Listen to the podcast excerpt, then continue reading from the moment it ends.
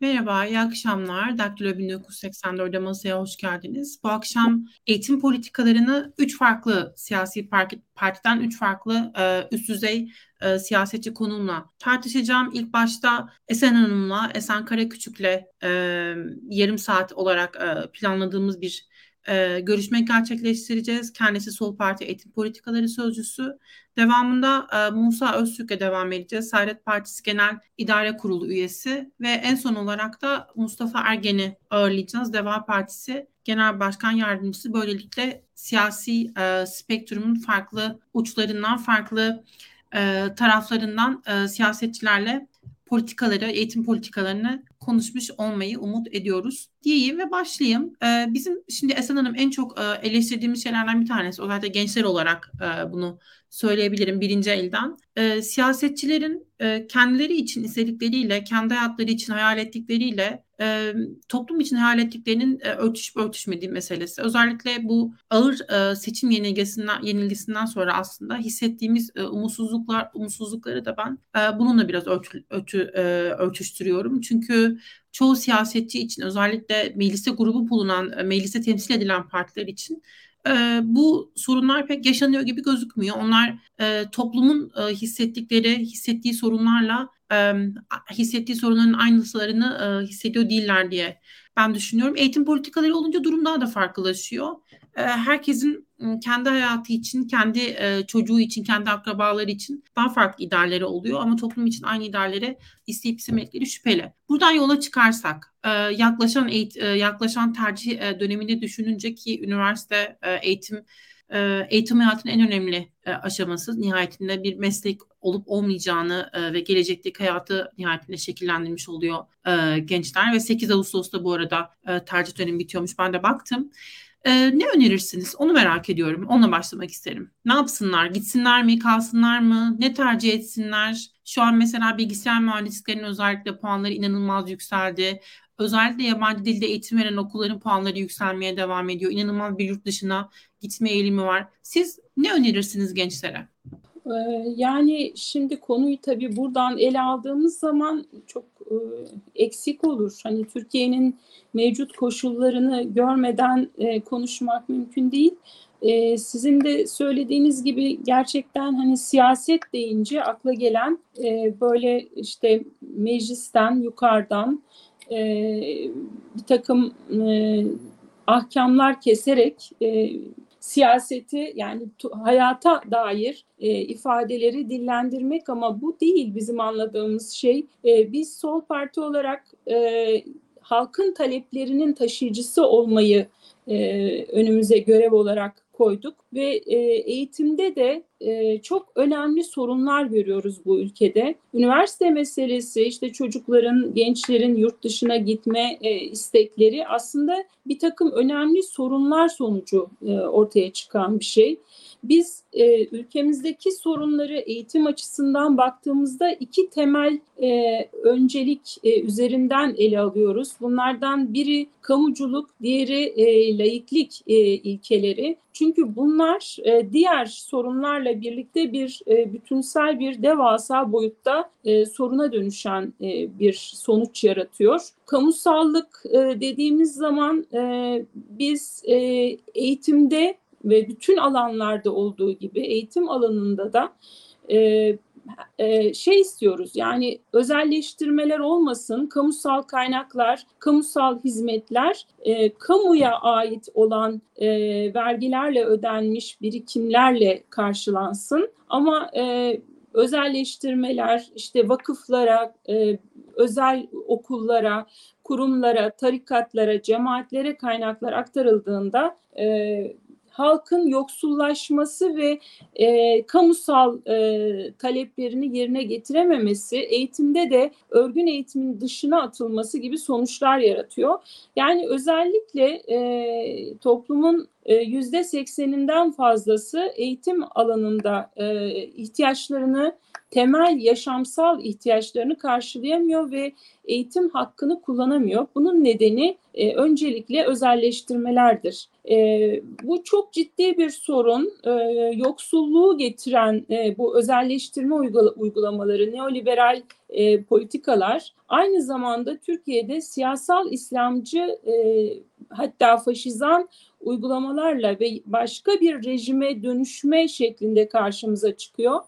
E, siyasal İslamcı rejim e, vakıfları, tarikatları e, devlet e, iktidar devlete ait iktidar yönetimiyle birlikte iktidarın e, iktidarla işbirliği içinde e, bu ülkeyi yönetiyor ve yine kaynaklar e, onlara da aktarılıyor. Bu arada sadece özelleştirmeler değil, gericileşme, dinselleştirme ve e, laiklikten, bilimsellikten ve temel e, insan haklarından, çocukların çocuk haklarından mahrum olduğu bir e, durum ortaya çıkıyor. Yani aslında e, şeye baktığımızda, e, akademik okullara baktığımızda, akademik okulların sayısı hızla azalırken, yani bilimsel eğitim yapan e, çocukların e, çağdaş, evrensel değerlerle yetişmesini sağlayan akademik okulların sayısı ülkemizde hızla azalırken, e, İmam Hatip liselerinin çoğaldığını ve e,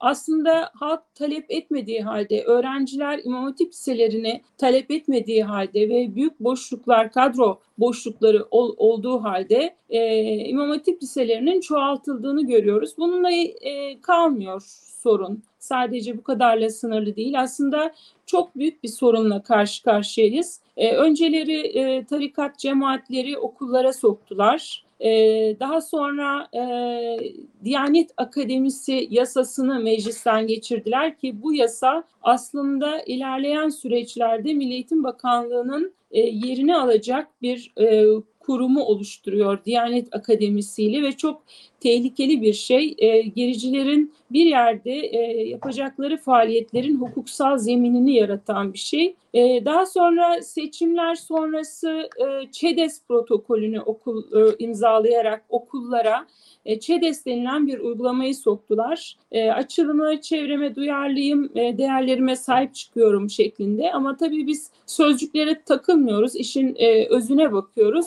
ÇEDES protokolüyle de e, tamamen tarikatlara okulların teslim edildiğini hatta çocukların e, pedagojik eğitimi olmayan e, imam, vaiz vesaire gibi din uzmanlarınca e, okul dışında bile e, yönlendirileceğini, e, belirli yerlere e, sürüklenebileceğini, e, onların güvenliklerini, yaşam haklarını da ortadan kaldıracağını e, düşündüğümüz tehlikeli bir uygulama. Özür dilerim, ee, girmek istiyorum. Ee, peki pedagojik eğitimi olan din görevlileri geliyor olsaydı fikriniz değişir miydi? Yani e, küçük çocukların din eğitimini okullar aracılığıyla alması daha tercih edilebilir olur muydu? Kur'an kurslarının e, bu okulların yerini almasından ziyade ya da orada nasıl bir e, politika e, izlenmeli ve aslında çocukların korunabilmesi sağlanmalı ne dersiniz? Şimdi e, Diyanet Akademisi zaten e, böyle bir takım e, şeyler çıkaracak önümüze. Hani işte biz formasyon işte bizde de var e, falan diyecekler ama biz onların eğitim sistemlerini çok iyi biliyoruz. Şu andaki mevcut eğitim sistemi zaten e, laiklikten uzaklaştırıldı. Yani eğitimin içeriği bile boşaltıldı. Bilimsellikten uzaklaştırıldı. Karma eğitime e, karşı, karma eğitim karşıtı e, konuşmalar, e, işte kız çocuklarının e, kişisel e, haklarını yok sayan, onların hatta varlığını yok sayan, hatta okullarda bulunmasını bile e, istemeyen bir anlayışla karşı karşıyayız. E, biz onların e, eğitim sistemlerini bildiğimiz için oradan bir e, çağdaş bir eğitim e, verecek e, formasyona sahip uzmanlar e, beklemiyoruz. Hani böyle e, önümüze getirseler bile formasyonlarını e, bilimsel ölçütlerde olmayacaktır. O nedenle e, tehlikeli bir durum o söz konusu. Din eğitimi, din eğitiminin olmasına tamamen karşı olmadığınızı mı anlamalıyım? Karşı olmadığımı.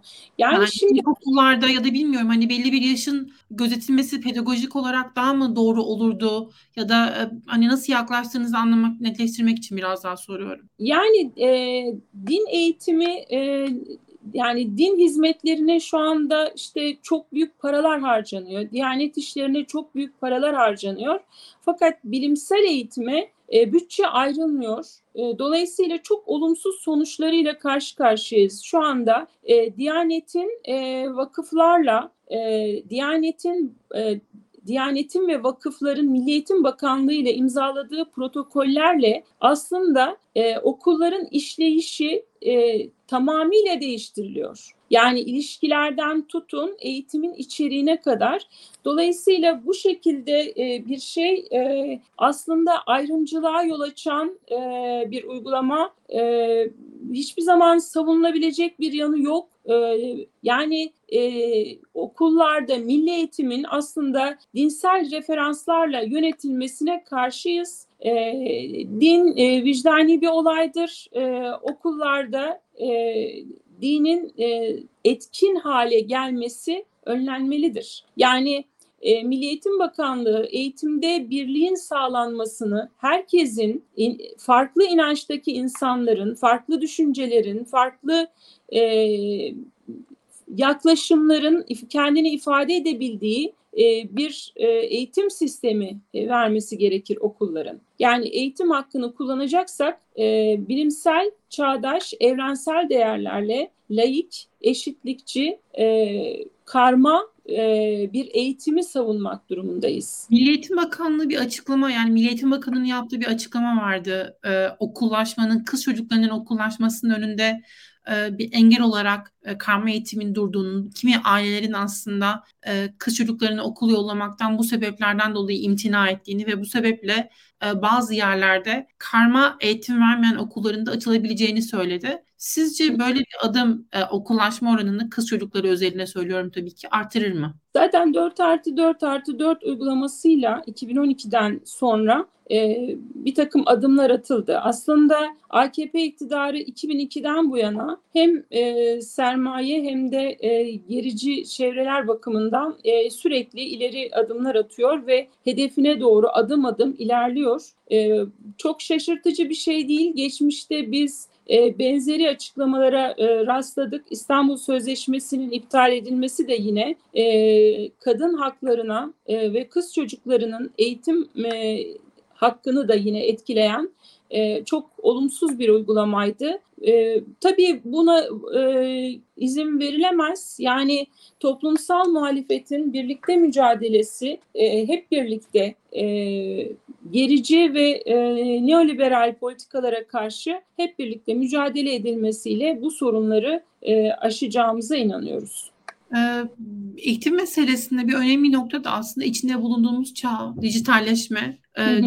Dijitalleşmenin yaratacağı bazı tabii ki problemler var, çözümler olduğu gibi aslında. O problemlerden bir tanesi de e, bazı mesleklerin ortadan kalkma ihtimali. E, bu ne kadar dehşet verici. Özellikle e, hani siz muhalefet e, partisi e, mensubu bir siyasetçi olarak sormak istiyorum. Bununla ilgili nasıl bir e, yol haritası çizilmeli, nasıl bir e, öneriyle gelirdiniz bu mesele hakkında? Şimdi mesleklerin e, e, ortadan kalkması da mümkün, e, çok farklı sorunların olması da mümkün. Çünkü üniversite konusu başlı başına e, ülkemizde eşitsizliklerle dolu bir konu.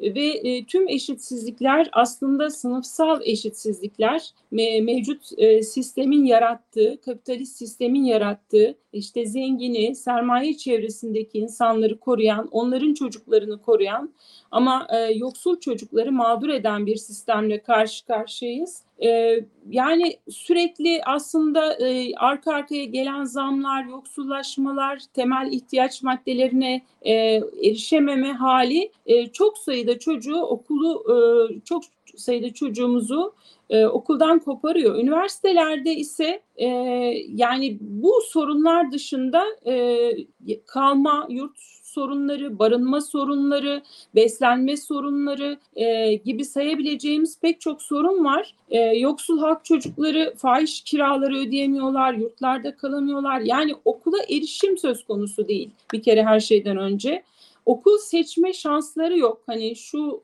e, okul kapandı mı, işte bu üniversite e, ne olacak e, gibi bir dert ötesinde acaba ben e, üniversite eğitimini alabilecek miyim e, kaygısı var. E, ücretleri ödeme zorlukları, ailelerin e, bulunduğu yerlerde e, okumaya e, itiyor çocukları. Yani okul seçme şansları yok. Çünkü e, devlet yurtları e, yetersiz.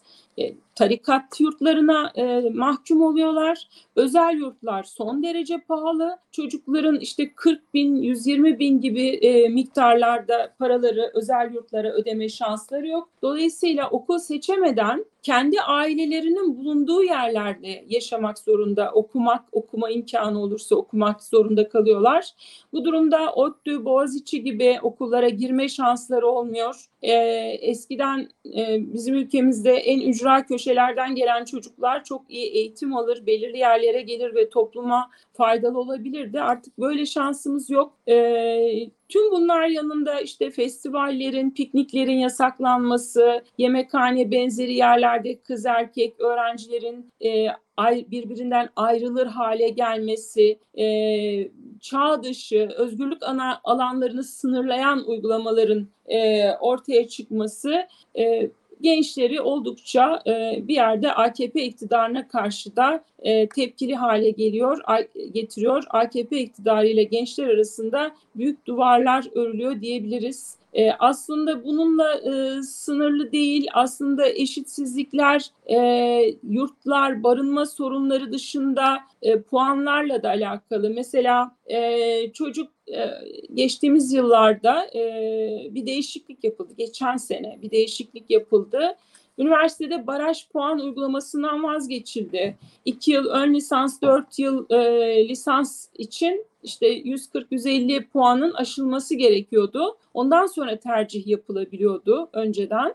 Fakat şimdi hükümete bağlı gerici vakıflar e, herhalde anladılar e, başarısızlığın nedenlerinin kendileriyle ilgili olduğunu ve e, taban puan uygulamasını kaldırmayı talep ettiler. E, hükümet de bunları kabul etti. Onların talepleri doğrultusunda taban puan kaldırıldı. Ama burada zararlı çıkan yine e, akademik başarısı yüksek olan ama e, yoksul olan e, halk çocukları oldu. E, akademik başarısı düşük olan ancak zengin ailelerin çocukları vakıf üniversitelerinin fen edebiyat fakültelerine yerleşebildi. Dolayısıyla yine yoksul çocuklar e, bir kez daha sınıfsal eşit, eşitsizliklerin e, kurbanı olmuş oldular. Yani dolayısıyla e, artık bizim ülkemizde e, okul seçme gibi bir lüksü yok e, çocuklarımızın. E, maalesef e, böyle bir şey var. Bir de mesela siyasal iktidar e, vakıfları destekliyor, dinsel vakıfları destekliyor.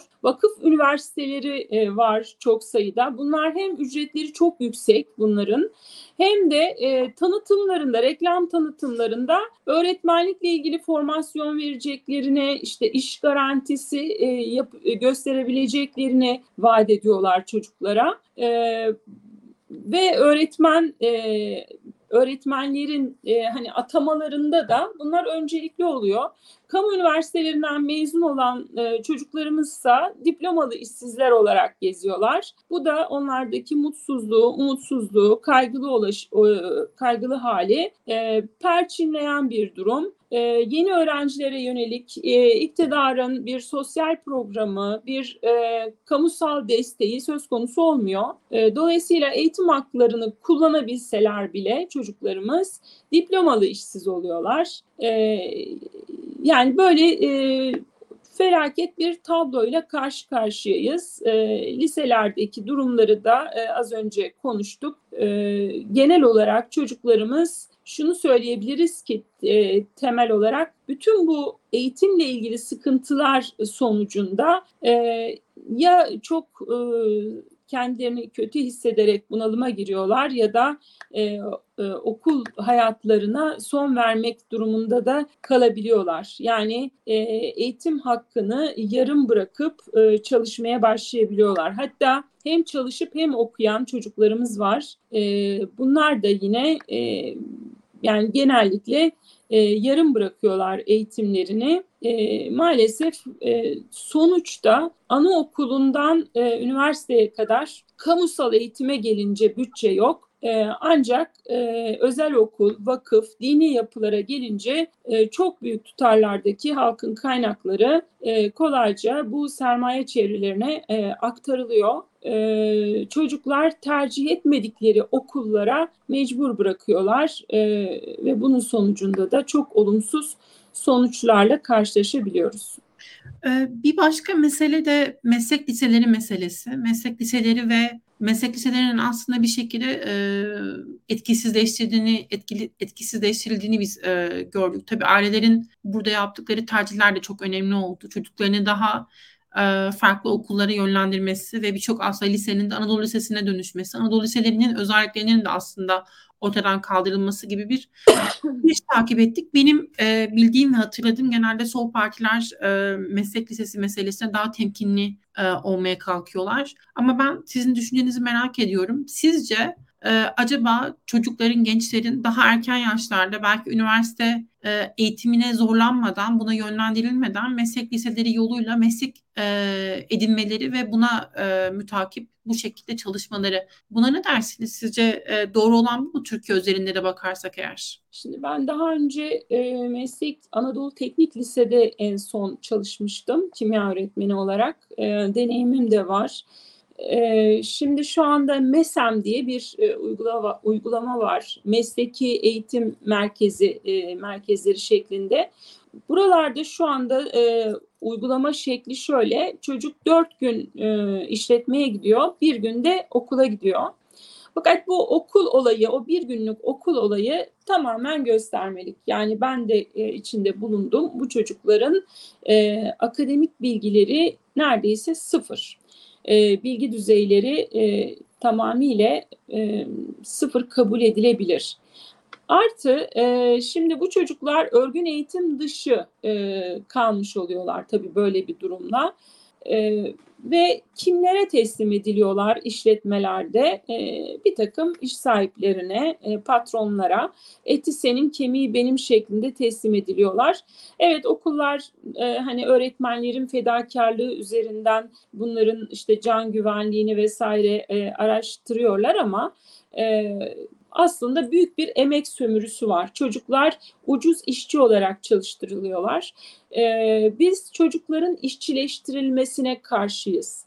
Bu uygulama e, kesinlikle e, sermaye çevreleri için ucuz iş gücü arayışıyla e, gerçekleşmiş bir uygulamadır. Yani asıl niyet budur. Yoksul çocukların, yoksul halk çocuklarının ucuz iş gücü olarak kullanılması için e, böyle bir uygulama desteklenmektedir ve iktidar tarafından buralara da e, büyük paralar aktarılmaktadır. E, MESEM yani şeylere, meslek liselerine e, paralar aktarılıyor imam hatiplere olduğu gibi. Çünkü burada bir gelecek görüyorlar sermaye çevreleri. Şimdi bir örnek var mesela er, Eren diye bir çocuk e, çocuğumuz e, şöyle söylüyor 10 saat çalışıyorum günde. Günde diyor 10 saat çalışıyorum e, 6 bin lirada para alıyormuş e, ve gelecek hayalinin olmadığını söylüyor. Bu bir tane örnek.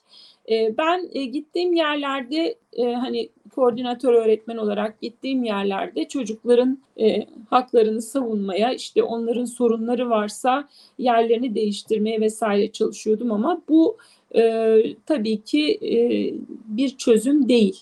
Yani e, bu uygulama e, çocukları örgün eğitimden koparan, işçileştiren, can güvenliklerini riske atan, onların e, kullanılmasına, ucuz işçi olarak kullanılmasına sebep olan ve kişisel ve bilişsel gelişimlerini engelleyen, e, onları e, nasıl diyelim aciz duruma düşüren e, ve toplumda e, yok sayılan bir uygulama, yok sayan bir uygulamadır. Esen Hanım çok teşekkürler zaman ayırdığınız için. Ee, tekrar bir başka yayında tekrar e, görüşebilmek umuduyla. Hoşçakalın. Ben teşekkür ederim. Hoşçakalın.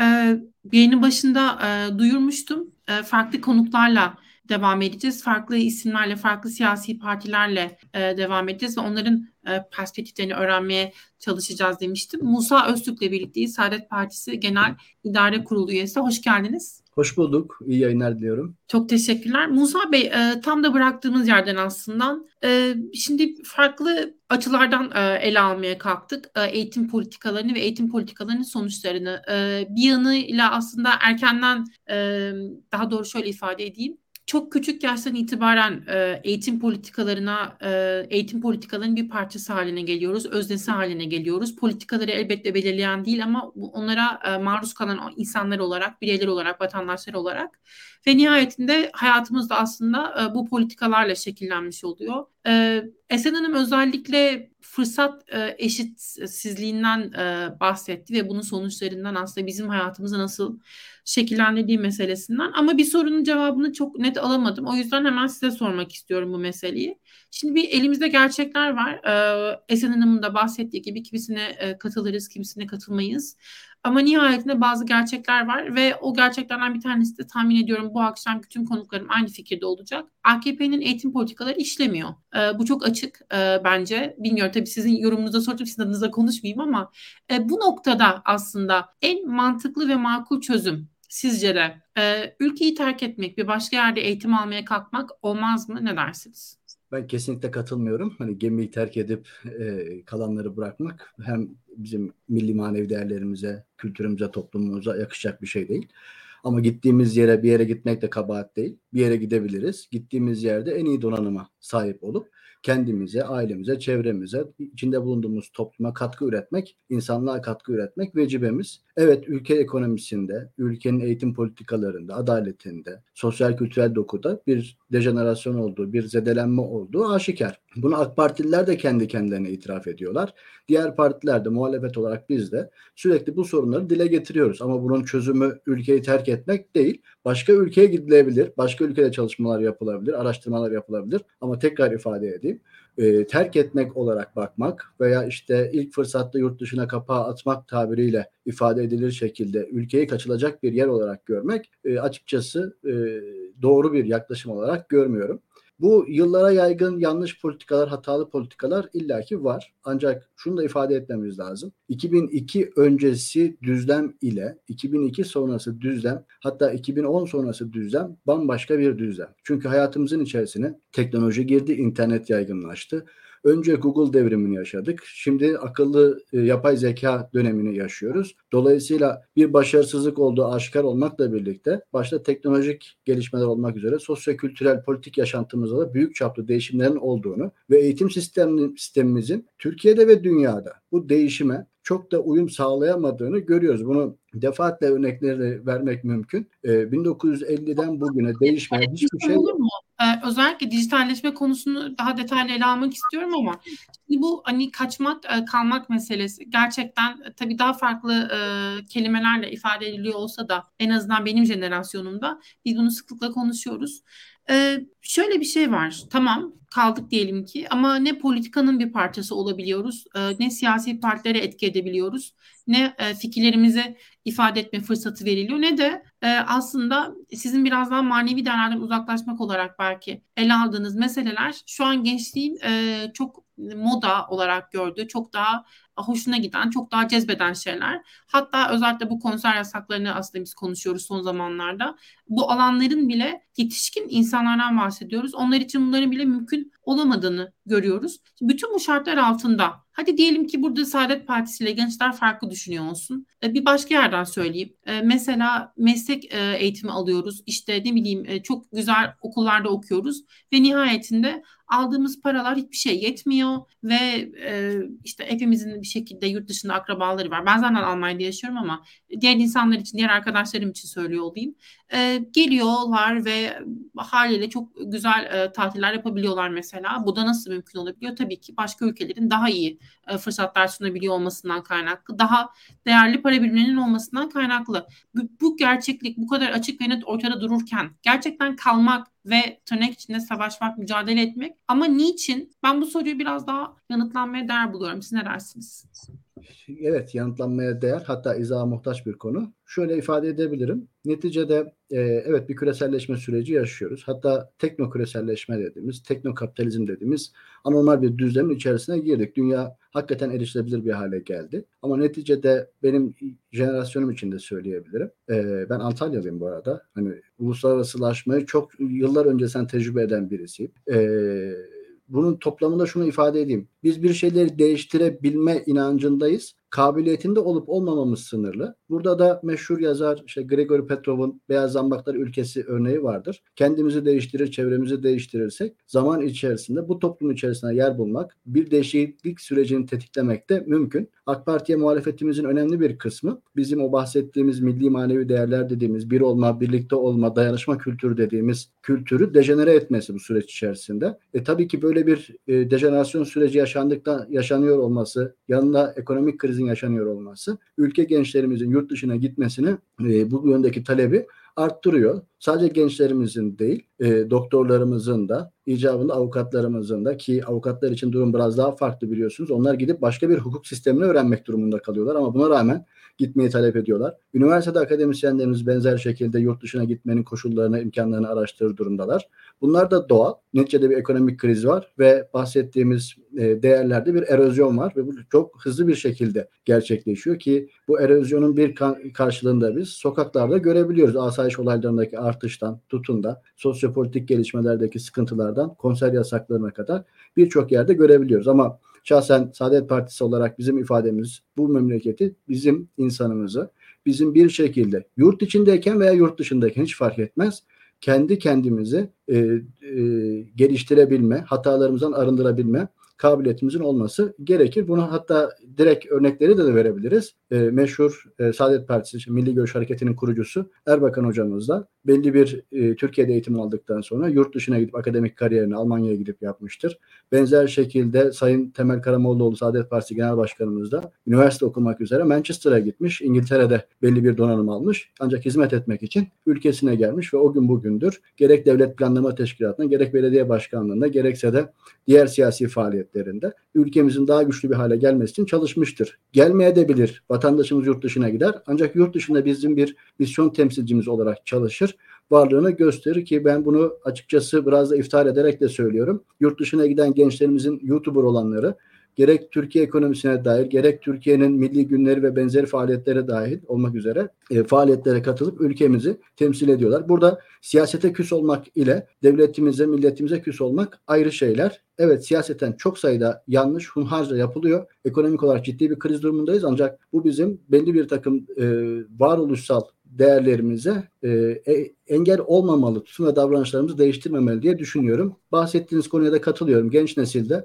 bu karamsar tablo bir ümitsizlik gibi görülebiliyor. Ancak açık söyleyeyim e, ümitsizliğin en alası Kurtuluş Savaşı sürecinde de vardı. Bir ümit ortaya çıktı ve şekillendi. Bunu Mustafa Kemal Atatürk olmak üzere bütün o mücadeleyi verenler e, ve devamında gelenler hem ahlaki anlamda hem askeri anlamda hem siyasi anlamda bir bütün olarak bir mücadele verenlerle bugüne geldik. Bundan ileriye de yine bu mücadeleyle gideceğiz. Neticede bu bir mücadeledir, bir gayrettir. Bu gayreti verdiğimiz nokta da bağnaz bir yapı veya cehalettir. Ama e, burada sınıfsal farklılıkları veya kapitalizmin vahşiliğini ele alırken bizim tutum ve davranışlarımızı, oklarımızın uçlarını diyelim şöyle e, bilerken dikkat etmemiz gerekiyor. Yoksa kapitalizme kızarken bu sefer kendi kendimizi hakaret ederken bulmamak gerekiyor. Az önceki yayında Esen Hanım da bahsetti. Ee, evet ortada bir sorun olduğu aşikar ancak bu e, dini, diyaneti ve benzeri ahlaki değerleri e, taş atmak anlamında değil. Onlarla birlikte nasıl kalkınacağımızı. Çünkü bunlar bizim istesek de istemesek de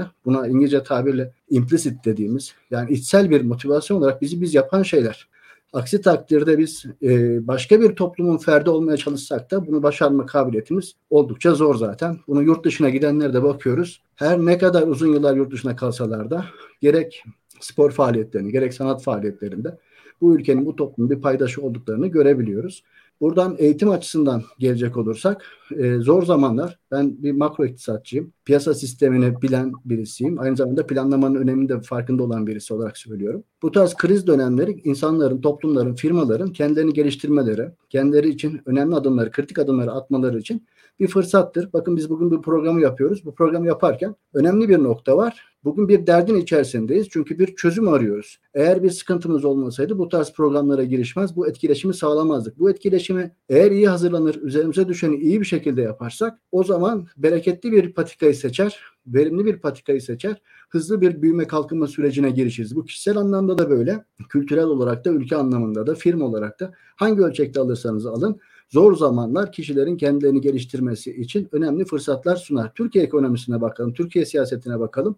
Geçtiğimiz son 3 yıl dayanışma kültürün pekişmesi için, mücadele azminin gayretinin pekişmesi için önemli fırsatlar sunmuştur. Ha seçim sürecinde istenen başarı alındı alınamadı o tartışmayı kenara koyarak söylüyorum. Bir değişim talebinin bugün 25 milyona ulaşması, bir gelişim talebinin gayretin bugün e, bir aşamaya gelmesi de bir bir başarıdır. O yüzden tabii ki gitmek isteyen, kendini yurt dışına geliştirmek isteyen gidebilir. Az önce de ifade ettim. Bizim genel başkanımız da üniversite okumak için yurt dışına gitmiş birisidir. Birçok arkadaşımız da gitmiştir. Ben de defaatle yurt dışına gidip eğitimler almış, projeler yapmış birisi olarak söylüyorum. Neticede bizim biz olmamızı sağlayan şey ülkemizin halihazırdaki sorunlarını çözme kabiliyetimizdir. Bu açıdan da kendi gelişim sürecimiz ki biliyorsunuz hepimizin bildiği üzere eğitim dediğimiz şey kişinin kendi potansiyelini keşif sürecidir, keşfi sürecidir. Bu keşif süreci çok boyutludur. Bu bireyin kendisinden olacağı gibi ailesinden, çevresinden, idari kurumlara kadar bir bütünlük arz eder. Bu bütünlüğü sağlayacak talep oluştuğunda bu talep demokratik koşullar altında kendisini uygulama zeminde üretecektir. Aksi takdirde bir değişim talebi güçlenmezse, bir gelişim talebi güçlenmezse halihazırdaki sürecin mağdurları olmaya devam ederiz.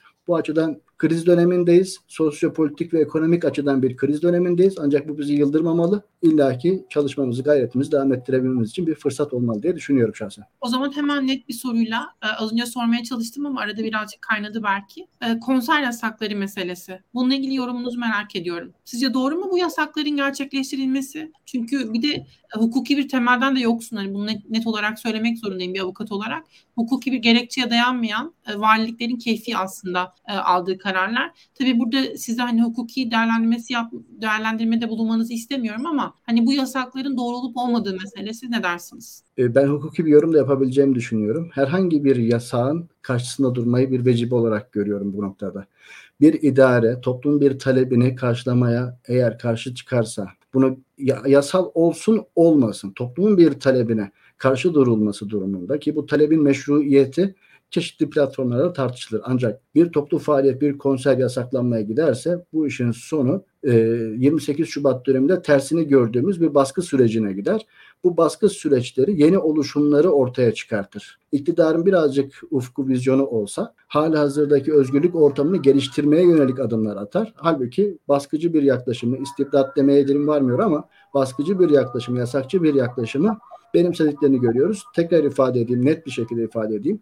Yasal olsa dahi ben doğru bulmuyorum. Özgürlüklerin bu açıdan insanların taleplerini karşılanması gerekir. Hatta iktisadi olarak buna bir yorum yapmam gerekirse bu tarz meşru talepler karşılanmadığı anda bunlar kara borsaya giderler.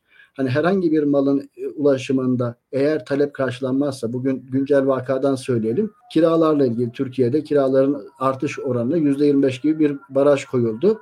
Sonuç olarak ev sahibi ve kiracı çatışması ortaya çıktı ki bunlarda maalesef hayatını kaybedenler de oldu. Meşru bir talep eğer karşılanmazsa gayrimeşru alanlar açılır ki bunlar tamamen denetimin, gözetimin, kollamanın dışında kalır. Sonuçları çok daha ağır olur ki bu sadece konser yasakları değil. Ee, geçtiğimiz günlerde bir kütüphanede çalışırken yanımda genç bir kız vardı. O örneği vermem gerekiyor. E, bu genç kız e, bizim siyasi broşürleri görünce bir merak etti, bakmaya çalıştı. Hayırdır dedim, siyasete ilgin mi var dedim. Hayır dedi ben dedi siyasete girmem. Lise ikinci sınıfa giden bir çocuk. Siyasete girmem. Neden girmezsin? E, çünkü kariyerim etkilenir. Şimdi o, yani yaklaşık 15-16 yaşındaki bir çocuk kendi kariyerine bir tehdit görüyorsa hak talebini bu baskı ortamında onun özgün bir şey üretme kabiliyetinden bahsedemeyiz.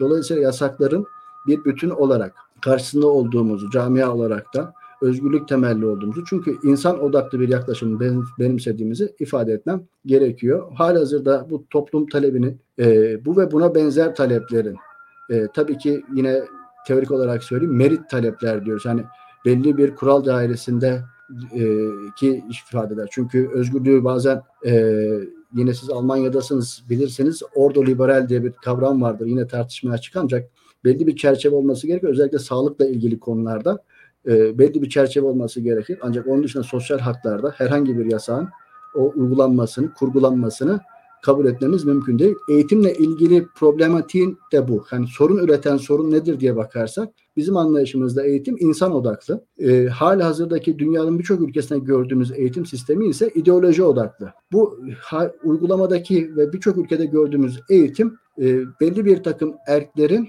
konumlandırmasına ve kafasındaki plana göre insanların yetiştirilmesini e, ve o parça bütün ilişkisine uymasını zorluyor. Halbuki bizim anlayışımız insan merkezidir. İnsanın kendi potansiyelini keşfi ki kendi potansiyelinin keşfinin de ancak özgürlükle olabileceğini, hür olmadığı zaman herhangi bir şeyin gerçekleştirilemeyeceğini düşünen bir yaklaşım benimsiyoruz.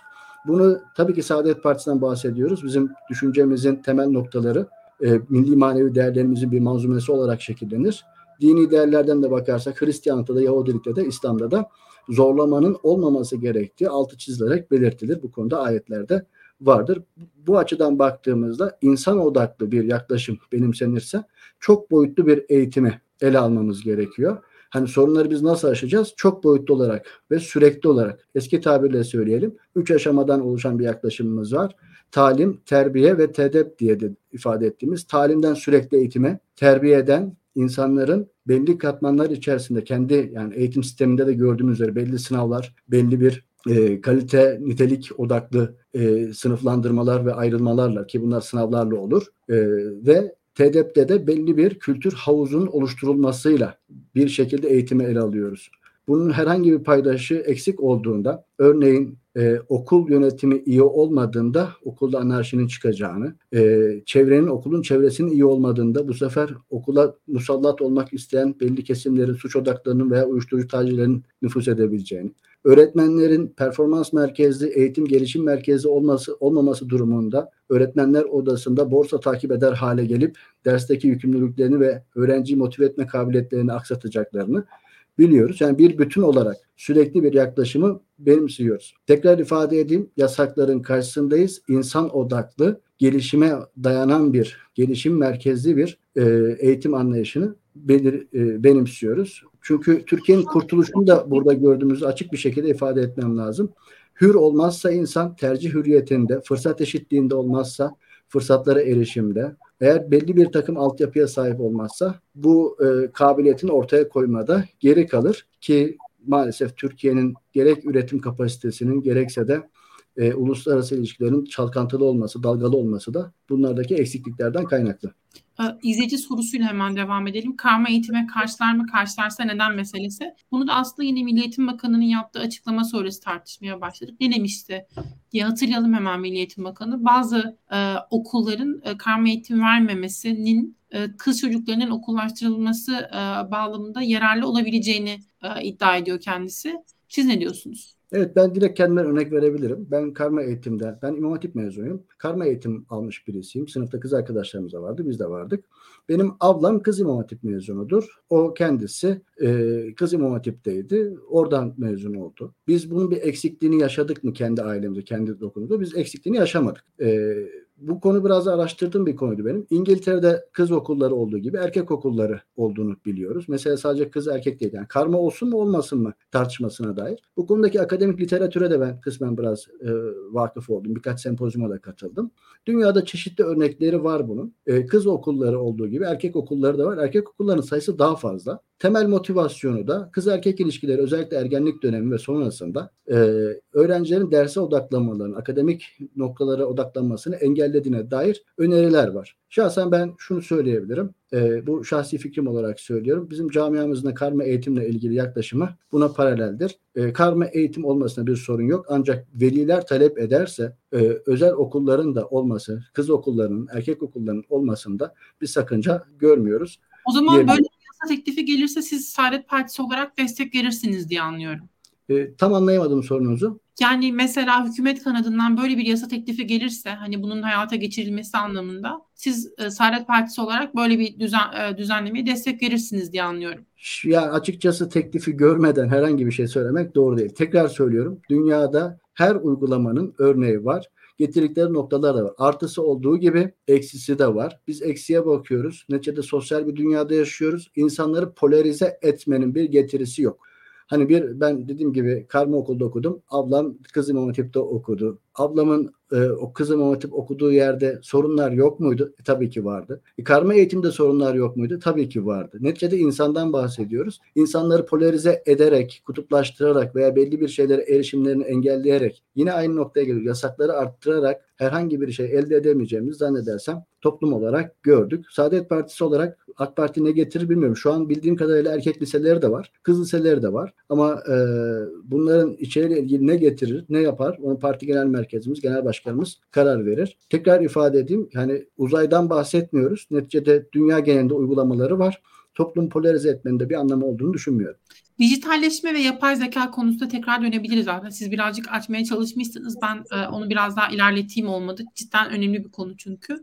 Ve özellikle e, hem Türkiye'deki bu özellikle ekonomik krizden bahsediyoruz. Bunun yarattığı bir e, gerilim problem var haliyle. Ama bir yanıyla da üstüne e, bu dijitalleşme meselesi ekleniyor. Yapay zeka meselesi ekleniyor. Hangi meslekler yok olacak, hangileri devam edecek, herkes nasıl konumlanabilir, hangi konumlanmayı gerçekleştiriyor olsalar doğru olanı yaparlar. Bir yanıyla da işte sizin bu bahsettiğiniz aslında kutuplaşma meselesi. Bu kutuplaşmanın sonucu olarak biz eğitimin de inanılmaz e, şekilde e, verimsizleştirildiğini gördük. Çünkü yalnızca bazı ideolojik takıntılar dahiliyetinde bu, bu tür eğitimler verilmeye kalkılıyor. En azından benim düşüncem bu bilmiyorum siz ne dersiniz. Ve nihayetinde biz bu konulara hazırlıklı değilmişiz gibi duruyor. Ne diyorsunuz? Evet ben öncelikle kutuplaşma ile ilgili söyleyeyim. E, Türkiye'de ardı ardına uzun yıllardır uygulanan bir kutuplaşma stratejisi var. Bu bilinçli bilinçsiz tartışmasını sizlere bırakıyorum, dinleyenlere bırakıyorum.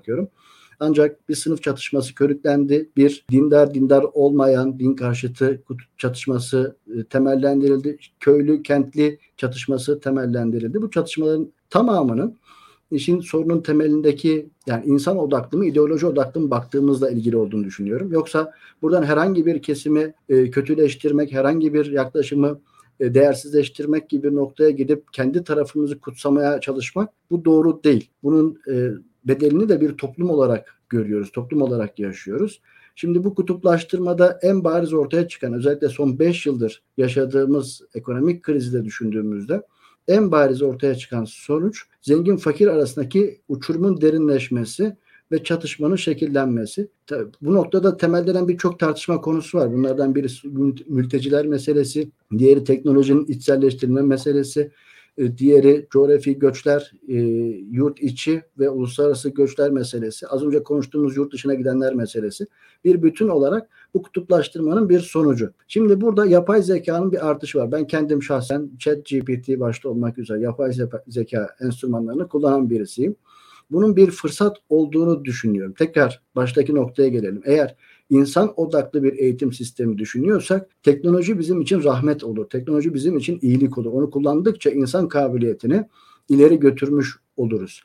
Eğer ideoloji merkezli bakarsak teknoloji bu sefer bize tehdit haline gelir. E, tabii ki burada tehdidi bertaraf etmeye yönelik o, o açıdan bakıyorsak da tehdidi be, bertaraf etmeye, onu gidermeye yönelik adımlar atılması öngörülür. Hemen burada bir büyük bir marifetle sosyalist yaklaşım maalesef en can alıcı hatası olduğunu düşündüğüm bir şeydir bu.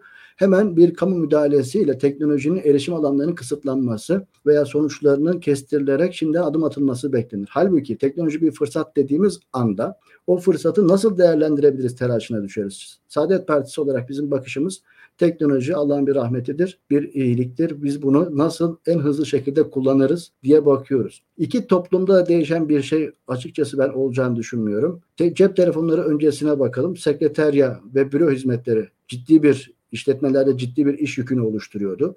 Cep telefonları çıktı, bilgisayarlar yaygınlaştı. Bütün kayıt evrak işleri de çok daha kolaylaştı. Ancak büro elemanlarının ihtiyacı, etkili iletişimin ihtiyacı hiç olmadığı kadar öne çıktı. Şimdi bugün de bakıyoruz biz kendi işlerimizi kendimiz görür hale geldik de bilgisayar başında ama dünyanın herhangi bir yerinde yaşayan bir genç şu an bilgisayarla iş yapabilir, para kazanabilir hatta çok daha yüksek paralar da kazanabilir hale geldi. O nedenle ben yapay zekayı, teknolojik gelişmeleri bir fırsat olarak görüyorum. Burada bir, bir tartışma noktası var. Eğer yapay zeka kendi kendine evrilebilir bir noktaya gelirse ve insana ihtiyaç duymazsa ne olacak? Bu noktada da Harari'ye bir atıfta bulunabiliriz. Harari geçtiğimiz günlerde verdiği bir konferansta, önemli de bir konferansta e, şunu söyledi. Tarihin insan dominant kısmının sonuna yaklaşıyoruz. Bundan sonra bir dönem insan makine etkileşimi, bir dönemden sonra da makine insan etkileşimi dönemine geçmemiz olası. Buna hazırlıklı olmamız gerekiyor diye bir yaklaşımda bulundu ki burada Matrix filmine de dolaylı bir atıfta bulunmuş oldu. Ee, şimdi bize fırsat olarak görünen teknoloji bizim aleyhimize bir gün döner mi? Tabii ki bu bizim onu nasıl kullandığımızla ilgilidir. Bugünlerde sinemalarda yayınlanan, rekorlar kıran Oppenheimer filmini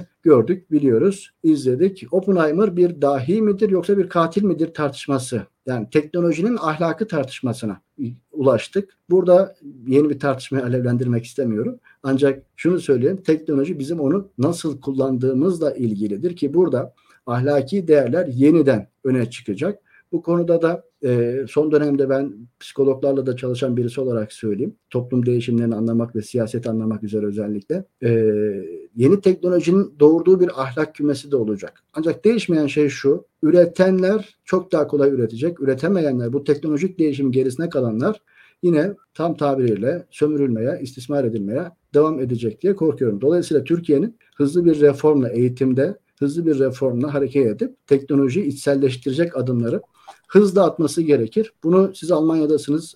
Biraz da böyle Almanya'ya pas atayım diye söylüyorum. Bugün evde kullandığımız e, alet edevatın bir kısmı Alman malı ama son zeka, son teknolojik gelişmelerde Alman ürünlerini çok göremiyoruz. Bu ne demek? Belli bir dönüşümü, belki Türkiye'ye gelmedi bilmiyorum ama belli bir dönüşümü sağlamakta gecikirseniz önceki teknolojik avantajınızı bir yere kadar götürürsün ama ondan sonrasına geçişiniz zor olur. Buna biz iktisatta az gelişmişliğin avantajı deriz. Türkiye başta olmak üzere geri kalmış ülkeler için teknoloji bir fırsattır. Eğitime de bu nedenle içselleştirilmesi gerekir. İnsan odaklı bakıyorsak da bunu içselleştiririz. Aksi takdirde ideoloji merkezli bakıyorsak sosyal medyada insanlar örgütleniyor. Bunu kapatalım noktasına gideriz. İşte bunu Türkiye'de yaptı. Fransa'da geçtiğimiz günlerde denedi. Ona dair düzenlemeler geçirdi. Teknolojiyi bir rahmet bakarsak insanların oradaki davranışlarının bir gelişim sürecini tetikleyeceğini. Dolayısıyla gençlerimiz üniversite tercihi yaparken Üniversitelerde kaç dönem bilgisayar dersi var? Bilgisayarla ilgili altyapıları nedir? Oradaki akademisyenler e, ne kadar bilgisayar merkezi, analiz merkezli programlarla çalışıyorlar? Bunları araştırmaları gerekiyor. Aksi takdirde bugün tarih dahi okusanız, teknolojiden bir haberseniz potansiyelinizin çok gerisinde kalıyorsunuz demektir. Bu şekilde özetleyebilirim. Musa Bey çok teşekkürler zaman ayırdığınız için. Ee, yine başka bir yayında sizi ama siz bir şey söylemek istiyorsunuz galiba ayrılmadan. Doğru mu anlıyorum? Evet gayet doğru anladınız. Ee, ben yani bizim parti olarak şunu ifade etmemiz lazım. Biz partiye insan e, eğitim politikalarına insan odaklı bakmamız e, bakmamızla diğer partilerle ciddi bir farkımız olduğunu düşünüyoruz. Burada insanı da madde ve mana boyutuyla ele alıyoruz. Şimdi biz çok eğitimli insanlar yetiştirebiliriz. Ancak bu eğitimli insanlar bireysel çıkarlarını toplum menfaatinin önünde görebilirler. Bu Atatürk'ün de uyardığı bir noktadır. Ee, bireysel menfaatler, bireysel çıkarlar tabii ki olabilir ama bu toplum menfaatinin önüne geçtiği zaman bu sefer kendi kuyumuzu kazarız. O yüzden iyi bir eğitim sistemi maddi ve manevi dengeyi bir arada gözeten çok boyutlu bir sistem olması gerekir. Bu noktada da e, Saadet Partisi olarak toplumumuzun e, hali hazırdaki yanlışlardan dolayı kendi milli ve manevi değerlerimize küsmemesi gerektiğini, çözümün yine bu topraklarda, bu düşüncede, bu kültür havuzunda mümkün olduğunu, ümitsizliğe de kesinlikle kapılmamamız gerektiğini. Çünkü zor olan çok şey başa, başarıldı. Bundan sonra bakın bugün Akbelen'de ağaçlar kesiliyor. Meclis olağanüstü toplantı yapabilir hale geldi. Yarın bu tarz soykırımları, bu tarz e, yani ağaç soykırımını e, gidermeye yönelik, tab- tabiat vahşetini gidermeye yönelik refleksleri de hızla gösterebileceğimizi, e, dolayısıyla bir kazanımın olduğunu ifade etmek isterim. Bunlar daha yani Türkiye siyasetinde ve küresel siyasette bu gelişmeler olacak. Biz de Saadet Partisi olarak, Milli Görüş Hareketi olarak e, bunlara dair mecliste olabildiğince etkin bir şekilde mücadele edeceğimizi sizin aracılığınızla tekrardan teyit edebiliriz. Çok teşekkürler. Biz de e, bu mücadeleler daha da ilerledikçe sizleri konuk edip e, daha fazla bilgileniyor oluruz diye ben de not düşeyim. Tekrar çok teşekkürler zaman ayırdığınız için. Memnuniyetle. Çok sağ olun. Ee, söylemiştim. Ee, üç farklı konuk, üç farklı siyasi parti. Şimdi Deva Partisi ile devam edeceğiz. Değerli Mustafa Ergen'le. Hoş geldiniz. Hoş bulduk. Nasılsınız? Ee, teşekkür ederim. Siz nasılsınız? Ben de iyiyim. Çok teşekkür ederim. Ee, şimdi teknoloji boyutundan aslında biraz konuşuyorduk. Belki sizle de e, başlarken öyle başlamış olalım. E, yapay zekanın özellikle bazı meslekleri ortadan kaldırabil kaldırabileceği meselesi. Aslında bilmiyorum belki sizin orada daha orijinal fikirleriniz vardı. Bizim e, olayın dışından bakanlar olarak tartıştığımız nokta biraz daha burası olmaya başladı. Acaba meslekler hangi meslekler ortadan kalkacak ve yani biz e, sıradan faniler kendimizi acaba değişen yaşama nasıl uyum e, uydurabiliriz? Çünkü şurada bir de şöyle bir nokta var. Diğer konuklarım e, burada biraz daha farklı düşünüyorlar. Daha farklı örnekler verdiler. Özellikle bilgisayarın ortaya çıktığı zamanlar, telefonun ortaya çıktığı zamanlar ve bizim bunları aslında nasıl hayatımız uyarlayabildiğimiz e, vurgusunu yaptılar. Ama benim burada katılmadığım şey ilk kez biz bu kadar hızlı bir e, değişimi deneyimliyoruz ve e, bu kadar hızlı bir değişimde acaba e, yeterli uyumu sağlayamayanlar evrim teorisini de hatırlarsak acaba doğal bir şekilde elenecekler mi? Bunu ben kendime de söylemiyor değilim bazen. Siz ne diyorsunuz, ne söylersiniz? Yani aslında çok güzel tespit yaptınız. Yani şu andaki teknolojik dönüşüm e, diğerlerinden daha hızlı. E, bu zamana kadar biliyorsunuz yani buhar makinelerinden itibaren sürekli bir teknoloji dönüşümünün içindeyiz ve her birisi, her bir teknoloji hayatımıza girdiği zaman bazı işleri ortadan kaldırıyor ama yeni işler yaratarak e, istihdamı bir şekilde dönüştürüyor. E, yani siz at arabasından ara, araca geçiyorsunuz, araçtan işte trene geçiyorsunuz. Bunların hepsinde te- değişik değişik insanların e, işin içine girmesi var. E, şu anda da sürücü, sürücüsüz arabaya doğru ilerliyoruz ama her birisinde bunu bununla beraber gelecek iş alanları da çeşitleniyor ve açılmaya başlıyor. Şu anda yapay zekanın en büyük e, katkısı dünyayı bir üst seviyeye çıkartma noktasında ve bütün her yeri yani eşitlikçi bir şekilde e, bir e, eşitleme yani aynı seviyeye getirme noktasında e, bir sürecin içinde olacağız ve e, daha çok tekrarlanan işler e, yapay zeka ile birlikte otomasyona doğru e, alınacaklar e, ve bazı noktalarda da elbette yapay zekanın kendine has e, getireceği işleriyle karşılaşacağız. Biz dünyada buna e, daha önce de gördük. Biliyorsunuz internetin e, yani bilgisayar özellikle kişisel bilgisayarların e, her yere ulaşmasıyla, insanların elinde bir hesaplama gücünün olmasıyla beraber ilk olarak en önemli uygulama biliyorsunuz Excel tarzı e, uygulamalardı. Yani muhasebe sistemi bütün dünyada hızlanmaya başladı. Alacak verecekler hızlanmaya başladı. Bankacılık sistemi hızlanmaya başladı.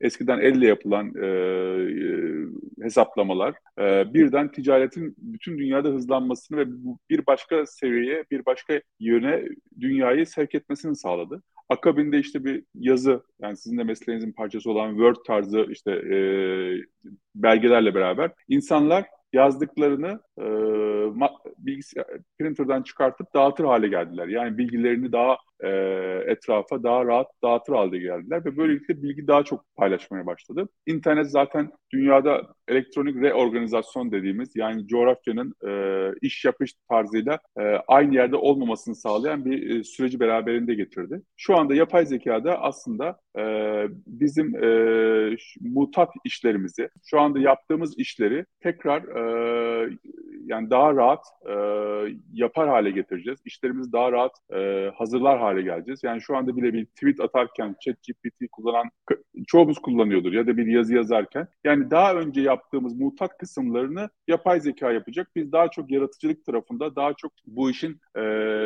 inovasyon tarafında kalacağız. Yani bizim işlerimizi kolaylaştıracak. Korkunun Elbette, yok mu diyorsunuz yoksa korkmaya gerek yok mu diyorsunuz? Galiba ikincisi. Korkmaya gerek yok çünkü insan zek insan artık e, daha çok e, zekasını kullandığı, daha çok yaratıcılığını kullandığı bir yöne doğru ilerleyecek. Yani biz eskiden e, yani e, daha kas gücümüzün azaldığı, beyin gücümüzün arttığı bir noktaya doğru ilerleyeceğiz. Bu bir yapay zeka bir araçtır. Bu araç e, işimizi kolaylaştırma dışında başka bir e, şey yok ama bazı iş kolları vardır ki burada yaratıcılık çok daha azdır. Bu e, zeka daha çok azdır. Elbette bunu yapay zekanın e, yüzde yüz, yüzde doksan dokuz e, ele geçirdiğini göreceğiz açıkçası. Ama yapay zekaya da bugün sorsanız yani e, yeni iş alanları olarak yapay zeka neleri çıkartacak deseniz size e, yani sayfalarca yeni iş alanlarını çıkartacağını görebilirsiniz. E, burada sizin o söylediğiniz nüans çok önemli. E, yani bu son zamanlardaki bu dönüşüm eskisinden biraz daha hızlı mı oldu, hızlı mı olacak şekli önemli. Zaten bu zaten tartışılıyor bütün dünyada. E, onun için işte bu e, işte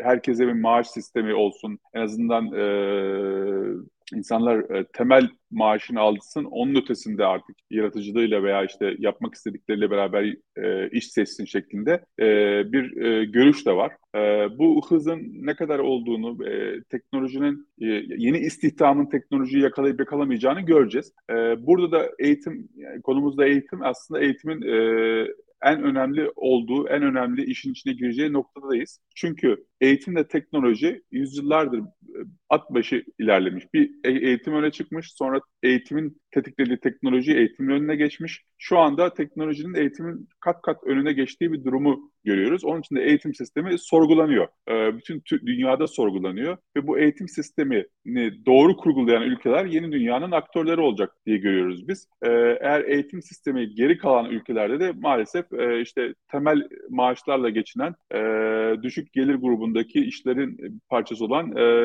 ülkelere doğru ilerleyecek diye düşünüyoruz.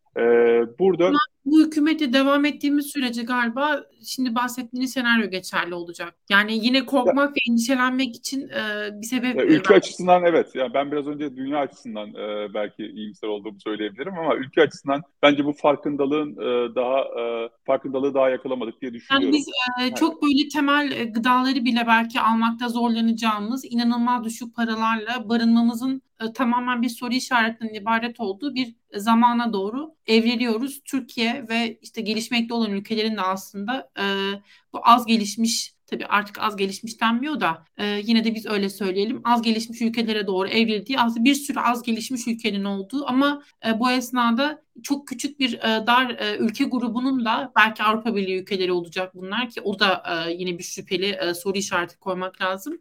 E, oranın daha farklı e, bir refah yaratıp devam ettiğini görüyor olacağız o zaman. Eğer böyle giderse. Evet bu bir yarış. Yani e, bu yarışın bir parçası olacaksak ona göre kendimizi e, e, hazırlamamız lazım. Eğer bu yarışta erkenden havlu attıysak maalesef düşük gelirli gruplara doğru gidiyoruz ve oradan çıkmamız çok zor. Ve o orası mutsuzluk getirir. Yani herkesi aynı seviyeye doğru indirger. Demokrasi getirmez daha çok otokrasi gerek getirir. Bu bir kurtuluş savaşıdır. Yani ikinci kurtuluş savaşıdır. Bizim buradan çıkmamız gerekiyor. Bunun çıkmak için de bir numaralı eğitimde çıkmamız gerekiyor. İkinci, bu eğitimle çıkabilmek için de farkındalığımızın olması gerekiyor. Yani biz yaklaşan tsunami'nin farkında mıyız değil miyiz? Bu tsunami'nin bu burayı sele e, kaptıracağının farkında mıyız değil miyiz? Yani biz 100 yıl önce, 250 yıl önce e, sanayi toplumu başladığında o tsunami'nin farkında değildik. E, olmadık. Çok geç farkına vardık. Şu anda o tsunami geliyor e, ve bu tsunami eğitim sektöründe de geliyor. Eğitim ihracatı başladı bütün dünyada. Herkes kendi eğitimini bütün dünyaya yaymak için elinden geleni yapıyor. E, dijital tekniklerle yapıyor. İşte e, bireysel olarak yani fiziksel olarak oraya giderek yapıyor. Yani biz e, ilkokullarımızı sorgulayacağız, ortaokullarımızı sorgulayacağız, üniversitelerimizi sorgulayacağız. Belli bir süre sonra diyeceğiz ki neden ben Türkiye'deki eğitimi alayım? E, herhangi bir e, uzaktan bir eğitimle e, bir iş istihdam piyasasının bir parçası olabiliyorum. E, bunu neden yapmayayım noktasına gelecek öğrenciler. Onun için üniversitelerin dönüşmesi gerekiyor. Eğitim sistemimizin, milli eğitimimizin dönüşmesi gerekiyor. Ve bu farkındalıkla dönüşmesi gerekiyor. Bu bir yarıştır. Bu yarışa yarış motivasyon gerektirir, yarış e, ilham gerektirir. E, aksi halde zaten e, insanları bir arada tutamayız. E, insanları burada tutamayız. E, bu, bu süreci de e, maalesef e, üzülerek görüyoruz gibime geliyor. Yani şu anda Milli Eğitim Bakanlığı'ndaki tartışmaların çok böyle arkaik olduğunu düşünüyoruz. Ee, daha ileriye bakan bir e, bir düşünce setinin toplumun önüne konulması gerektiğini düşünüyoruz ve bu, bunun üzerine biz tekrar bu işi organize etmemiz gerektiğini düşünüyoruz. Bir kabus yaşıyoruz e, aslında ve e, yeni yeni kabuslar da bizi bekliyor. Mustafa Bey'in çok e, haklı olarak vurguladığı üzere. Şimdi o zaman şöyle bir soru sorayım. Madem e, birçok şeyi aslında şu andan e, görmek mümkün. Yani ve aslında bizim çok kolaylıkla çok e, çok kısıtlı okumalarla belki anlayabileceğimiz şeyler bu hükümet tarafından ısrarla anlaşılmıyor, görülmüyor. Hatta öyle ki e, bilmiyorum işte size söylediğiniz yani çok e, arkaik tartışmaların yapıldığını e, ve işte bütün bu meselelerin ele alış ele alınış biçimi de ya da bir e, böyle bir iddiada bulunulduğunda Türkiye'nin giderek daha fazla güç kaybettiği konuşulduğunda bahsedilen argüman e, Türkiye'nin bir şekilde Çin'le Avrupa Birliği arasında yer aldığı E, güvenilen tek şey bu ve bunun bir mucizevi şekilde e, bu hükümetin yaptığı tüm yanlış politikaları örtecek, kurtaracak bir boyutta etki yaratabileceğine inanıyorlar. Evet Türkiye'nin harika bir coğrafya konumu var ama dijitalleşmeyle birlikte artık bunun da etkisinin daha da azaldığını gözlemlemek mümkün olacak diye konuşmak lazım. Üstelik bu hükümetin başarısızlıklarını tabii anlatmaya artık ömür yetmez yani ve işte o kadar başarısız ki gerçekten inanın o jeopolitik konum bile belki hiç etki etmeyecek bir noktadan sonra diye ondan not düşmek lazım. Ve şimdi ben buradan hemen e, şeye bağlamak istiyorum şu an bu yayını izleyen böyle küçük bir yerde, küçük bir Anadolu kasabasında belki bu yayını takip eden ve kendisi için bir şeyler yapmaya kalkan, kalkan bir genç. Ee, nasıl bir yol, nasıl bir e, çizgi tutturmalı, nasıl bir yol izlemeli ki e, bütün bu olumsuzluklara rağmen ülkedeki kendi kontrol edemeyeceği gerçekliklere rağmen ve belki ekonomik olarak da yetersiz olsun bu genç.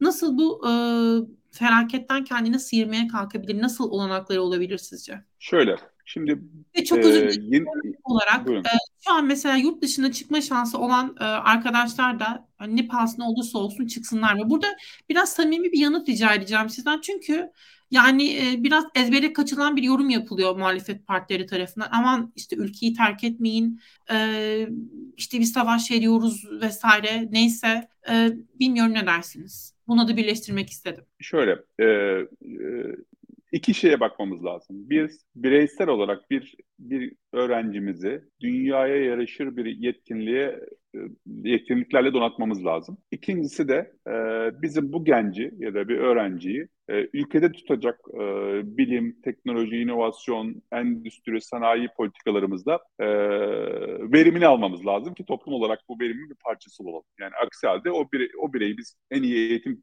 e, sürecinden geçiririz, e, başka ülkelere kaptırırız açıkçası. Yani bu ikisinin aynı eşler olması gerekiyor. Şimdi diyelim ki öyle bir eğitim sistemi yok. Hani şu anda öyle bir eğitim sistemi yok diyelim. Ve Anadolu'daki bir gencimiz var. E, elinde işte bir telefonu var. Belki bir, kadar bir bilgisayarı var. Ha, e, ve şey de var yani motivasyonu da var, ilhamı şey de var, yani zekası da var, e, bu işe odaklanmak da istiyor. E, geri kalan her şey aslında internette var şu anda. Yani insanlar artık böyle kendi kendine eğitebilecek, kendi kendine yeterli hale gelebilecek bir sürecin içinde. Yani biz internet üzerinden farklı bir dil de öğrenebiliyoruz, e, farklı bir e, meslek de alabiliyoruz e, ve bu mesleği de bulunduğumuz yerden e, bütün istihdam piyasasının tek bir havuz olduğunu düşünürsek bütün dünyaya da artık o noktaya doğru geliyor. E, o istihdam piyasasının parçası olabilecek haldeyiz. Elbette bu yüzde yüz değil. Elbette bu e, burada her her noktada belli şeyler yapamayız ama yani aslında e, elimizde olan yetkinlikler tamamen internetle, dijitalleşmeyle gelmiş durumda. Biz o, o öğrenciye o farkındalığı vermemiz gerekiyor. Onun için eğitim sistemi eskisi gibi bilgiyi bilgiyi veren yerler değil, tamamen deneyimi yönlendiren yerler olması gerekiyor. Öğretmenlerin bilgiyi aktaran yer, insanlar değil, tamamen deneyimi aktaran, e, deneyim deneyimi gözlemleyen, öğrencinin deneyimini gözlemleyen, aktaran ve onun önünü açan insanlar olması gerekiyor. Onun için biz hani okul her yerde diyoruz. Yani okulun artık bir e, belli bir dört duvar arasında olmasının ötesine geçmiş durumdayız. E, onun için e, öğrenci şu andaki eğitim sistemi bunu karşılamıyorsa elindeki bilgisayarla, elindeki e, yeteneklerle, doğru yönlendirmeyle kendini geliştirebilecek bir noktaya gelebilir. Yani idealimiz aslında şu bilgisayarı e, e, her yere gönderebilmek, köylere kadar ve orada kişisel gelişimi, kişisel eğitimi başlatabilmek olması gerekiyor. Bunun da ötesinde yani bundan sonra ne yapsın? Yani çocuklar işte yurt dışına çıksın mı? Yani ben yurt dışına çıkıp geri gelen e, kuşaktanım. E, yani 2000'de çıktım, 2010'da geri geldim. Hani 2010'larda hani Türk herkes zaten dışarı çık dışarı çıkarken otomatik olarak zaten geri dönme e, hissiyatıyla e, dışarı çıkıyordu o zamanlar. Elbette burada hani illa hükümete de büyük bir şey söylemek zorunda değiliz ama şunu da gözlemle, gözlemlememiz lazım. Ee, bazı şeyler bütün dünyada artık sınırların ortadan kalkmasıyla beraber hem ne finansal sınırı var, ne dijital sınırı var, e, ne istihdam sınırı var, e, öbekleşmeye başlıyor. Yani sonuçta belli yerlerde e, belli e, çekim merkezi haline gelmeye başlıyor belli konularda. E, bu da otomatikman yani bizim babalarımızın yaşadığı durumu bizi ülke çapında yaşatıyor. Yani benim e, babam nasıl köyden çıkıp işte şehre geldiyse e, bizim ülkemiz de komple bir köy haline getiriyor. İşte başka bir şehre, başka bir ülkeyi de şehir haline getiriyor. Bu bu kaçınılmaz bir e, gidişat. Yani sonuçta ilerlemenin getirdiği bir süreç. İşte o noktada biz burayı nasıl bir şehir yapabiliriz? Onun çabasını yapmamız gerekiyor. Yani onun buranın nasıl bir mıknatıs haline gelmesi gerektiğinin çabasını yapmamız gerekiyor. Ki o zaman insanlar yani bizim insanlarımız değil başkaları da gelmeye başlar. Bunlar e, burada yerleşmeye başlar ve bunun e, bunun fırsatları da önümüze çok çıktı şu anda. Yani siz dünyadaki her devinim aslında bir fırsat. Biliyorsunuz Ukrayna-Rusya savaşında oradaki teknoloji şirketleri oradan kaçmaya başladı. Yani bizim e, bizim sistemimizin parçası olmak için gelenler çoğaldı. İşte teknokent sistemimizin parçası olmak için çabalayanlar oldu. Yani oralarda e, biz bunlara karşı hiçbir böyle hoş geldin e, şey yapmadık. Yani gelin burada e, yerleşin diye bir e, programlar işte e, oluşturmadık. Bazıları geldi, bazıları kaldı, bazıları işte Bulgaristan'a gitti, bazıları işte Avrupa'nın diğer yerlerine gitti. Bir şekilde bir deneme tahtası olarak gelindi. Halbuki bunları burada tutabilecek, işte böyle belli bir startup e, kanunlarıyla beraber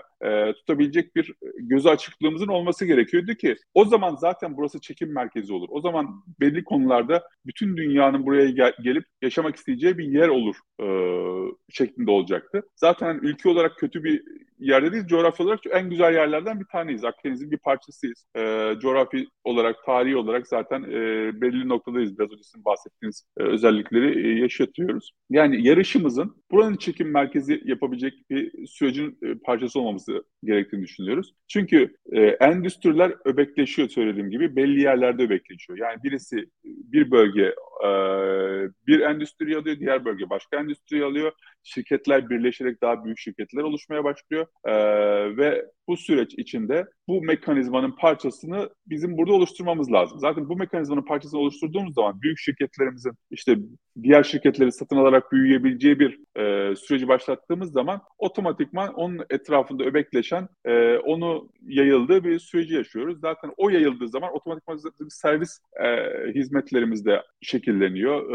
E, diğer hizmetlerimiz de şekilleniyor. Bir ekonomi aşağı doğru doğmuş oluyor. E, bunu tetiklemenin yolu da yani eğitim sisteminin e, bu tarafa doğru insanları kanalize etmesi, e, bu tarafa doğru yetkinlikleri vermesi. Yani bugün e, bir dersi e, hızlı bir şekilde bütün eğitim sistemimizin içine sokabiliyor muyuz, sokamıyor muyuz? Yoksa 5 sene sonra mı sokabiliyoruz? Ya da 10 sene sonra mı sokabiliyoruz? Tartışa tartışa e, bu süreci. Yani bunlar yani çevikliğin, atikliğin olması gerektiğini söylüyoruz açıkçası. E, hem üniversite sistemimizde hem eğitim sistemimizde. Üniversiteye daha çok e, e, biraz sonra daha farklı eğilebiliriz. Orada yapılması gereken çok daha fazla farklı işler var. E, ve elimizde bu şey. Yani sonuçta bir farkındalık olacak. İçindeki müfredatı hızlı değiştireceğiz. Öğretmenlerimize vereceğimiz eğitimlerde e, bu farkındalığı öğrencilerimize daha rahat açacağız. Yani öğrencilerin gözü, e, işte karşılarında kendini rakip gördüğü insanlar birbirleri değil, başkaları olacak. E, o noktaya doğru kendilerinin yetkinliklerini arttıracaklar. Eğer okul yeterli gelmiyorsa önde bilgisayar olacak. Kendilerini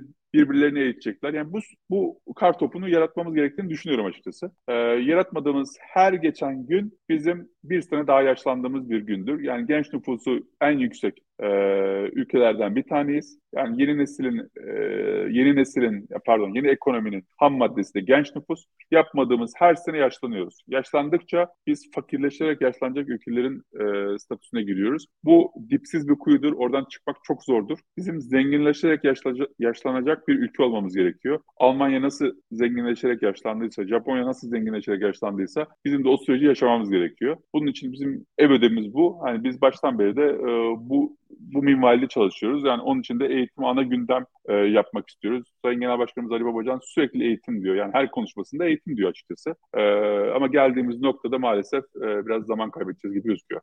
Üniversitelerin kontenjanları inanılmaz e, arttırıldı ve artık e, neredeyse e, yani bir şekilde yerleşmek mümkün hale geldi. Herkes bir şekilde belki yerleşmemek daha zor e, diğer türlüsünden. Bunu nasıl görüyorsunuz, nasıl açıklıyorsunuz? Üniversitelerdeki kalitenin düşüşünü zaten eleştiriyoruz ama bir yanıyla da böyle bir durum e, söz konusu. Bu da var olan meslekleri de bir noktada değersizleştiriyormuş gibi oluyor. Bilmiyorum ne diyorsunuz? Yani çok doğru. Çünkü bu bir alttan gelen bir nüfus baskısı var. Yani yüksek öğretimde dünya çapında 1980'lerde 20 milyon kişi varsa şu anda 200 milyon kişi var dünya çapında. E, nüfusu genç olan bir ülke olarak da bize daha fazla bir baskı var. Şimdi o baskı gelen baskıyı hükümetler e, karşılayamıyor. Yani sonuçta e, öğrenci belli bir süre sonra bir istihdam piyasasının parçası olması gerekiyor. E, bunu yapamadıkları zaman da muhtemelen otomatikman zaten zamanı ge- e, geciktirmek için yani üniversite sistemi biraz daha e, bir 4 sene daha 5 sene daha bu işin bir parçası oluyor. Akabinde bu sefer iyice iş zorlaşıyor. Çünkü çocuklar bu sefer üniversite mezunu olarak yani e, diğer işleri bir parçası olmak istemiyorlar. Çünkü yani e, bizim yaşantımızda bu üniversitenin den aldığımız diploma e, böyle bir sihirli bir e, kağıt parçası olarak hala aklımızda. Yani bunun bir e, yani lise diplomasından farklı oldu, olmadığını hala anlamış değiliz. Yani bunu zor bir şekilde anlayacağız ama. E, onun için de e, alttan gelen baskı bir şekilde yukarıya doğru gitmesi gerekiyor. Bu istihdam piyasasımızın bu işe hazırlanmamasının bir e, nedeni. Çünkü istihdam daha çok yüksek katma değerli olan e, noktalarda var. Düşük katma değerli olan noktalarda istihdam öyle e, üstsel büyümüyor. Yani daha lineer büyüyor. O da e, işte ülkenin e, dolar kuruna göre bile de değişebiliyor açıkçası. Üstsel büyüyen, yani istihdam üstsel büyüyen e, noktaları daha çok yüksek katma değerli olan noktalar, daha çok teknolojinin içine girdiği noktalar. E, maalesef orada e, gerideyiz. Yani teknoloji konusunda her konuda konuşuyoruz ama altını doldurmuyoruz açıkçası. Yani bunu ben şeye benzetiyorum. Eskiden annelerimiz e, çikolatalı pasta yapardı. Yani çikolatalı pastanın o çikolata kısmı ile kek kısmı ayrılırdı. Çocuklar çikolata kısmını yiyip kek kısmını bırakırdı. Yani e, şu anda herkes çikolata kısmını yiyoruz teknolojide, kek kısmını bırakıyoruz. Yapmamız gereken şeyler eğer gerçekten bu işe e, odaklanıyorsak eğitim sisteminden, teşvik sisteminden e, ve stratejiye kadar her şeyi A'dan Z'ye e, kurgulamamız lazım. Zaten o kurguyu oluşturduğumuz zaman e, bakacaksınız konuşacağımız konular, e, odaklanacağımız konular da birden değişecek. Ee, birkaç arkaik konuda da aslında sizin arkaik olarak nitelendirdiğiniz birkaç konuda da fikrinizi e, almak istiyorum. Mesela karma eğitim meselesi. E, bununla ilgili ne düşünüyorsunuz? Konser yasakları yine gençlerin en çok şikayet ettiği e, konulardan bir tanesi. Bunlarla ilgili nasıl bir yol yöntem izlenmeli? Bir de şöyle bir açıdan e, sormak isterim. Yani ben bunun e, çoğunun düşüncesini yansıttığına inanmıyorum ama e, kimi aileler de e, gençlerle yani kendi çocuklarıyla aralarında bir makasın açıldığını e, gözlemliyorlar ve kimi aileler de aslında bundan panik duyuyor. Dediğim gibi bunların e, ne tür bir çoğunluk e, sağladığını bilmiyorum gerçekten. E, ama bu e, makasın açılması da belli bir noktada acaba yasaklanılsa e, daha mı iyi olur? Bu, bu tür etkinliklerden kaçınılsa daha iyi mi olur gibi bir bilmiyorum belki de bir e, kamuoyu oluşturuyor. Herhalde bunu bu şekilde yani bunun sonucu olarak görüyor ve gözlemliyoruz. Bu yasaklar bu şekilde oluyor diye ben anlıyorum. Ama siz nasıl yorumluyorsunuz? Onu bilmek isterim tabii. Ya şimdi ister istemez yani korku ve korumacı olmak e, herkesin e, yani herkeste var. Yani bu herkesinde var. Herkes de bunu farklı şekilde görmeye çalışıyor. Yani siz e, elbette hani farklı bir e, aramızda bir jenerasyon farkı var. Yani biz internette doğmadık ama internette tanıştık. Çocuklar internetle tanışan çocuklar. Yani bilgiyi yalnızca annesinden babasından almıyorlar. Yalnızca okuldan almıyorlar televizyon izlemiyorlar. Yani bilgiyi o kadar çok yerden alıyorlar ki e, sizin çok yönlü bakabilen çocuklar bunlar. E, onun için o insanları ürkütüyor. Yani, e, gençler, e, ebeveynleri ürkütüyor ve daha korumacı olmak istiyorlar. Yani belki çocukların o kadar e, farklı yerlerden gelişmesi onları çok çok çok farklı yerlere götürebilecek, e, bireysel olarak çok daha başarılı olabilecek bir hususken e, yani en azından diyor yani asgari de işte benim bildiğim şekilde olsun ben daha koruyayım çok da ileri gitmesin şeklinde. Bu bu içimizde olan bir şey var. Yani sonuçta e, yurt dışına giderken de aynı şekilde var. İşte büyük şehre giderken de vardı eskilerden. E, normal o zaman okula giderken de var. Yani sonuçta e, insanlardaki bu koruma kollamanın e, oranı bazılarında az bazılarında çok ama herkeste var açıkçası. Yani sonuçta ama bu engellenen engellenecek bir olay da değil. Yani sonuçta yıllardır ve yüzyıllardır engellenmiş bir olay da değil. Yani biz korktuğumuzda kalacağımız bir durum. Buna alışacağımız bir durum. Çünkü e, biz ne kadar korkarsak, kollarsak da e, dünya değişiyor, dünya ilerliyor. E, o dünyanın bir parçası olmadığın sürece de o zaten sana tekrar geliyor başka şekilde, başka noktalarda. Yani bugün diğer tartışmaları da, da biliyoruz açıkçası, başka akımları da biliyoruz. Yani çocukları daha, daha sağlıklı ve ortamda e, büyümesini sağlamamız lazım. Buradan bazı korkularımızın e, üstesinden gelmemiz gerekiyor ebeveynler olarak. E, korkunun da ecele faydası yok. Çünkü e, söylediğim gibi dünya değişiyor. E,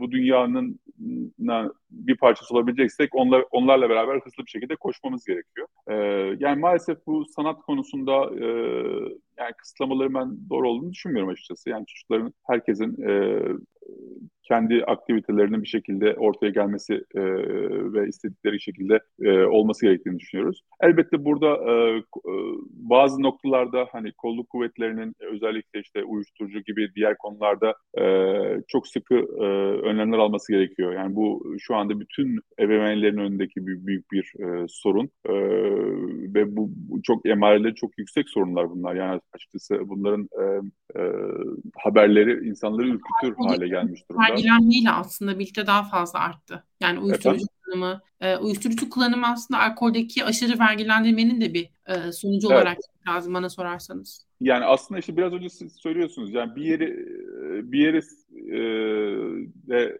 frene bastığın zaman diğer farklı yerden farklı bir şekilde belirliyor. Onun için daha dengeli yani sonuçta insan vücudu da bir denge üzerine kurulmuş durumda. Yani e, asidik mi bazik mi şeklinde vücut e, çalışıyor. E, eğer siz toplumu da bir denge üzerinde kurduramazsanız yani dış dünyadaki gelişmeleri de okuyamazsanız e, içeride yaptığınız fren başka yerde gaz noktasında ilerliyor. Onun için e, bunlarda e, makul olanın makul olanla ilerlemek gerekiyor e, ve bazı fırsatlarında kaçmaması gerektiğini düşünüyoruz. E, bu fırsatları kaçırdığımız zaman yani insanları toplumun e, ekonomik büyümenin bir parçası yapamadığımız zaman toplum olarak kaybedeceğiz bu noktada. E, geri dönüşü olmayan noktalara geleceğiz. Yani biz e, ülkemizin daha zenginleşerek e, ilerlemesi gerektiğini düşünüyoruz. Daha müreffeh bir ülkede yaşamak istediğimizi düşünüyoruz. Çünkü bu ülkeyi sevdiğimiz için buradayız. Her insanın da buraya gelip yani göğsünü gere gere burada yaşamak isteyeceği bir ülke yaratmamız gerekiyor. Bütün dünyanın örnek alacağı bir ülke yaratmamız gerekiyor. O zaman hepimiz mutlu oluruz. O zaman bütün herkese bütün bir katkı veririz. Yani bu e, tartışmaları da bu minvalde değerlendirilmesi gerektiğini düşünüyorum ben.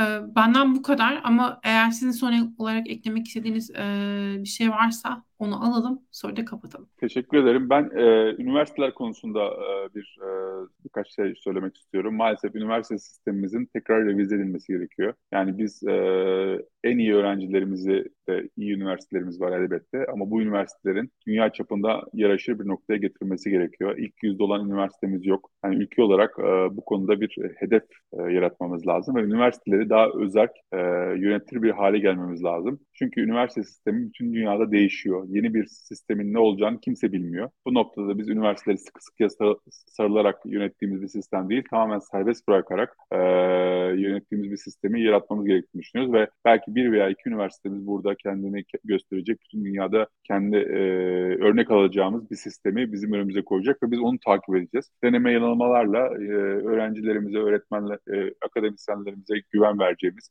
onlara eşdeğer bir e, mali kaynakları sağlayacağımız bir sistemi hızla yaratmamız gerektiğini düşünüyorum. Teşekkür ederim. Çok teşekkürler Mustafa Bey. Ee, bu akşam e, değerli konuklarla yayınlar, bir yayın e, ortaya koymaya kalktık. Eğitim politikalarını farklı perspektiflerden ele almaya kalktık. E, elimden geldiğince imkanlar e, yettiğince gün, saat bunları uydurmaya kalktım. O yüzden tüm siyasi partileri tabii ki ağırlamak mümkün olmayacaktı. E, bir kısmının e, ne yazık ki bu meselelerle ilgisi yok. E, bunu netlikle söylemek lazım. Bir kısmı da ne yazık ki e, denk getiremedik saatleri. E, kimisinin sağlık problemi ve kişisel e, başka sebepler vardı. Onlara tabii ki buradan e, sevgilerimi yolluyorum ama bazılarında gerçekten hiç ilgisini çeken mevzular ki daha farklı konulardan konuşmaktan e, çok daha keyif alıyorlar.